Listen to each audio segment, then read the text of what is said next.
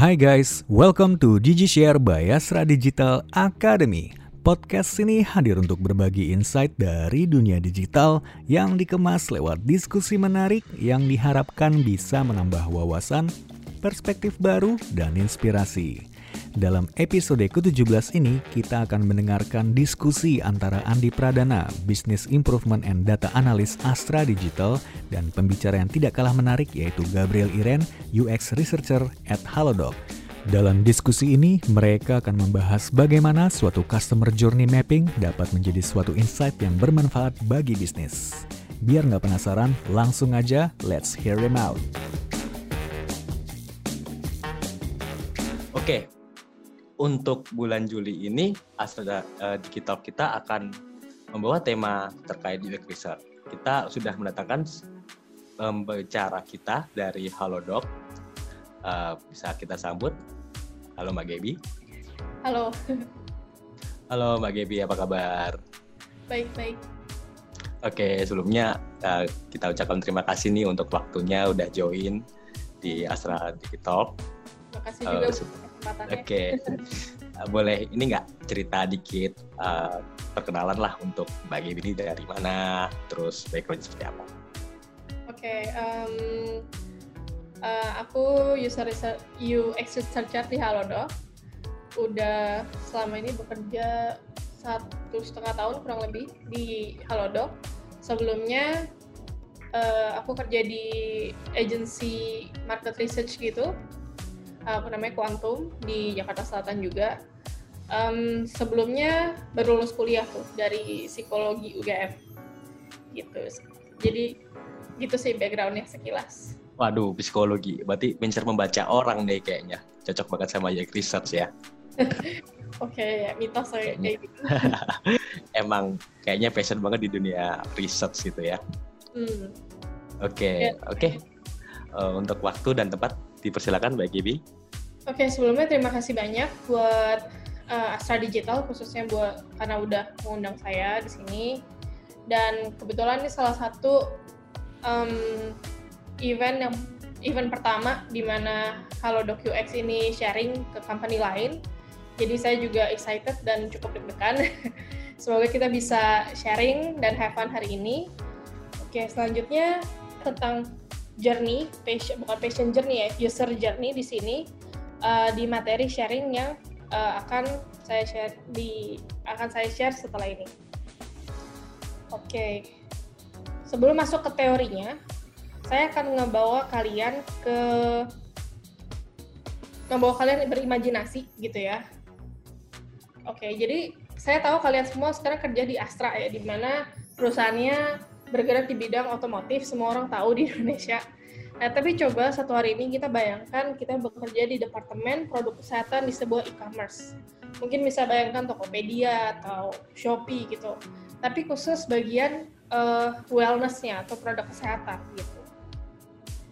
Oke. Okay. Kalau kita bekerja di sebuah e-commerce uh, dan kita berurusan dengan data user, kita pasti pernah melihat data seperti ini Oke. Okay. Perkenalkan Ayu dan Doni. Ini adalah salah satu, salah dua user kita di platform e-commerce tadi. Di mana Ayu kita bisa lihat di sini dia berumur 35 tahun, ada nomor teleponnya juga. Dan juga ini di bawahnya adalah perilaku Ayu membeli uh, di platform kita ya. Kita bisa lihat dia beli apa aja di situ dan frekuensinya juga dalam enam bulan terakhir. Di sampingnya Doni, Doni ini juga um, isinya sama, datanya kurang lebih sama Ayu, tapi di situ dia cuma membeli multivitamin satu kali dalam enam bulan terakhir, gitu. Kalau dilihat memang cukup apa ya sebetulnya cukup menjelaskan perilaku behavior kayak gimana, tapi sekaligus cukup terbatas ya, karena Ayu ini siapa kita juga nggak tahu, dia tinggal di mana, dia pekerjaannya apa, itu sangat uh, limited. Kita tidak tahu itu semua, kita hanya tahu behavior dia beli di platform kita seperti apa gitu. Nah, karena kita bekerja di perusahaan e-commerce di departemen kesehatan sekarang, bayangkan selanjutnya uh, supervisor kita atau bos kita bilang bahwa target kita di quarter ini adalah meningkatkan penjualan suplemen atau vitamin. Nah, kalau dengar target seperti itu, mungkin ada banyak hal yang terlintas di pikiran kita ya. Nah, saya mencoba menggambarkan beberapa pertanyaan yang mungkin terlintas itu di slide ini. Jadi mungkin ada yang berpikir kayak um, seperti apa ya profil user yang selama ini membeli suplemen atau vitamin. Lalu uh, kalau misalnya sudah lihat datanya tadi si antara lain Doni dan Ayu, siapa ya yang akan kita target untuk menjadi pembeli utama atau misalnya kita boost penjualannya tuh siapa ya uh, target utama penjualannya gitu dan uh, gimana ya cara mengubah perilaku user untuk membeli lebih banyak vitamin? Atau mungkin yang tadinya nggak minum vitamin kita buat jadi lebih minum vitamin. Terus ada opportunities apa ya yang mungkin ada tapi kita belum kepikiran karena belum terlihat gitu dari data yang uh, kuantitatif tadi gitu. Lalu kita juga mungkin uh, bertanya-tanya gitu. Kita punya segini banyak data tentang user, tapi kita bisa ngapain lagi ya selain analisis kuantitatif gitu. Nah, oke okay, selanjutnya pertanyaan-pertanyaan tadi sebetulnya dapat dijawab dengan banyak hal, tapi salah satu metodenya yang bisa menjawab pertanyaan-pertanyaan tadi adalah user journey mapping.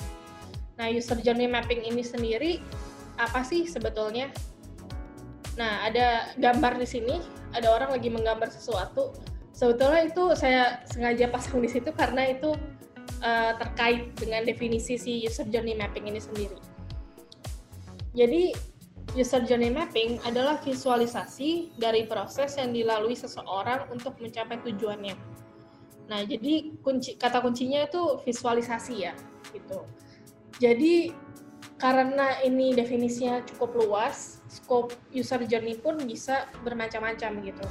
Bisa uh, perjalanan seseorang berkonsultasi ke dokter misalnya. Bisa juga perjalanan seseorang mengakses fitur tertentu di aplikasi kita misalnya. Bisa juga perjalanan seseorang uh, mem memilih sesuatu dan kemudian mengkonsumsinya kayak gitu. Nah, terus selanjutnya um, kalau kita aware nih, saya memakai kata user journey di sini. Padahal topik hari ini kan customer journey ya. Nah, sebetulnya apa sih bedanya? Apakah saya salah nulis gitu?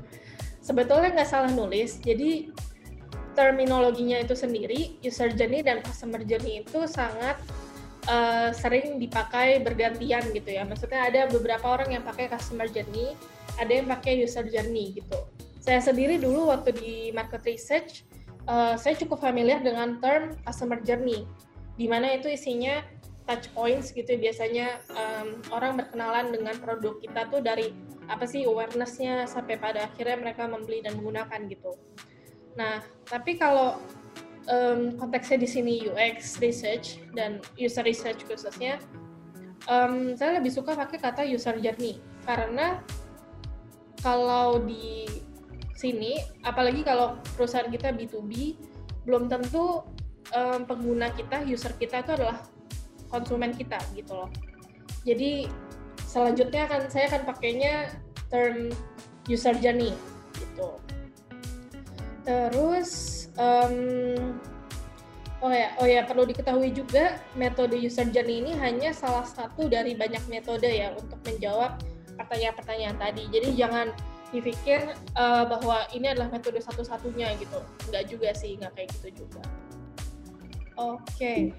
Terus selanjutnya ada quotes ini. Ini quotes yang cukup bagus. Saya nemu ketika bikin presentasi uh, untuk digital ini. Uh, jadi ini quotes dari Sarah Gibbons. Dia chief designer dari Nelson Norman Group. Uh, dia bilang bahwa a great solution to the wrong problem will fail. Jadi sering kali kita fokus di solusi gitu ya. Apa sih solusi yang bisa kita berikan? Solusinya gimana caranya bikin solusi yang super bagus sehingga masalah bisa selesai gitu ya. Padahal kita sering saking fokusnya di solusi kita jadi sering lupa masalahnya sendiri itu apa gitu. Karena ternyata menurut dia solusi yang bagus sekalipun, yang great sekalipun, kalau problemnya tidak dipahami dengan baik, itu ya nggak cocok akan gagal gitu Nah, jadi itu pentingnya user journey ya. Mungkin ada yang familiar dengan framework ini, ini framework design thinking, pernah dibawakan juga bulan lalu uh, oleh Mbak Tiwi di uh, Digitalk sebelumnya. Jadi di framework design thinking ini ada beberapa fase, ada empathize, define, ideate, prototype, test, dan implement. Di mana sih user journey ini terletak di framework ini? Nah, bisa kita lihat user journey ini ada di bagian empathize dan define di mana di titik ini kita berusaha memahami konsumen sebelum lanjut ke tahap-tahap selanjutnya. Nah, kenapa penting uh, user journey di tahap ini? Karena dengan memahami masalah yang dialami oleh user, kita dapat mengetahui kebutuhan user yang sesungguhnya. Jadi kita bisa memberikan solusi yang tepat juga. Jadi nggak nggak kebayang kan kalau misalnya kita udah keburu bikin desain satu produk mungkin atau desain satu solusi, terus kita udah bikin prototipenya segala macam. Tapi kemudian ternyata solusi itu nggak dibutuhkan sama user karena ya kita nggak pernah tanya usernya butuhnya apa gitu. Nah jadi jangan sampai itu terjadi ya karena sayang resource kita sayang waktu kita juga gitu kan. Nah itu kenapa user journey harus ada di tahap awal karena ya untuk supaya uh, prosesnya lebih efisien gitu sih ke depannya Nah, selanjutnya kembali ke pertanyaan-pertanyaan tadi ya di awal sesi, di mana kita mungkin bertanya-tanya hal ini ketika mendengar bahwa target kita adalah meningkatkan penjualan suplemen dan vitamin. Kira-kira user journey uh, mapping, user journey mapping ini bisa menjawab pertanyaan ini dengan cara apa sih gitu. Nah, kita lihat penerapannya. Yang pertama, apa yang dapat kita lakukan terhadap data ini? Nah, seperti yang kita tahu, data di user database itu sering kali kuantitatif ya, dan ibaratnya itu seperti uh, kerangkanya, di mana dagingnya itu bisa kita isi dengan data kualitatif gitu loh. Jadi untuk memahami kuantitatif data, kita bisa melakukan user journey ini. Lalu selanjutnya opportunities yang belum terlihat user journey juga bisa membantu kita ngembangin produk baru. Atau mungkin mengevaluasi produk desain atau SOP yang sudah ada gitu. Bisa jadi kita sudah bikin satu desain duluan nih satu solusi duluan tapi ternyata kurang tepat. Bisa loh kita pakai user journey untuk mengevaluasi juga dan memperbaiki desain yang sudah ada gitu. terus selanjutnya kita juga bisa membuat profile user. Jadi kira-kira selama ini yang beli produk kita yang beli suplemen vitamin itu kayak apa sih orangnya lebih dari kuantitatif data yang kita punya. Setelah user profiling, kita juga bisa melakukan segmentasi user. Oke, kalau ke depannya kita mau mengeluarkan promosi tertentu atau mungkin produk tertentu, eh, kita mau menarget segmen user yang mana nih? Karena kita sudah profiling sebelumnya kan. Lalu selanjutnya juga behavior modification jadi kita bisa uh, kalau kita sudah mengenal user nih ya, user kita seperti apa, mungkin kita bisa juga melakukan modifikasi behavior mereka dalam artian um, berusaha mengubah uh, perilaku mereka dengan cara-cara yang bisa kita lakukan dari sisi kita gitu maksudnya. Oke. Nah, apa aja sih elemen-elemen kunci yang sebaik bukan sebaiknya sih yang harusnya ada di dalam user journey mapping yang pertama adalah aktor. Aktor di sini adalah pelaku dari si perjalanan itu sendiri ya. Jadi seperti kita tahu perjalanan uh, user journey adalah perjalanan seseorang untuk mencapai tujuannya gitu kan. Jadi ini adalah aktor yang akan mencapai tujuan di dalam journey itu. Yang kedua adalah skenario dan ekspektasi. Ini maksudnya ekspektasi bisa juga maksudnya goals. Jadi di map itu pasti membicarakan satu skenario tertentu gitu. Jadi spesifik apakah itu skenario membeli vitamin atau skenario um, mengakses fitur X di aplikasi kita gitu. Jadi spesifik. Dan kemudian tujuan. Nah, dalam skenario itu si aktor ini punya tujuan apa sih? Punya ekspektasi apa gitu. Lalu selanjutnya journey phases. Jadi journey phases ini perjalanan si aktor tadi akan kita bagi ke dalam beberapa phase, beberapa fase. Lalu selanjutnya action, mindset, dan emotions. Ini artinya uh, intinya semua yang dilakukan, dipikirkan, dan dirasakan oleh si aktor tadi. Dan yang terakhir adalah opportunities. Jadi kalau udah tahu semuanya tadi, aktor, skenario, ekspektasi, fase, dan action, mindset, emotions, selanjutnya ada opportunities apa untuk kita di situ. Setelah memahami journey-nya, kita bisa mengambil opportunities apa untuk membantu si aktor ini mencapai journey yang lebih baik gitu. Nah, gimana sih caranya me, apa, mengambil key elements ini dari data yang kita punya?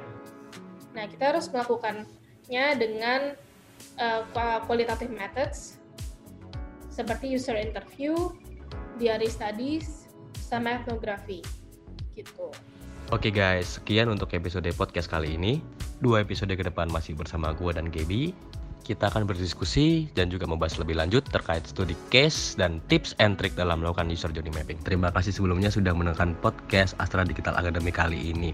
Semoga podcast ini bisa bermanfaat buat kalian semua ya. Jangan lupa juga untuk share podcast Astra Digital Academy ini ke teman-teman kalian.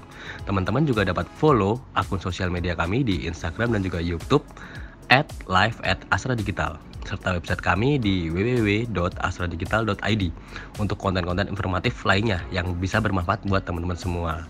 Stay tune and keep healthy. Ciao.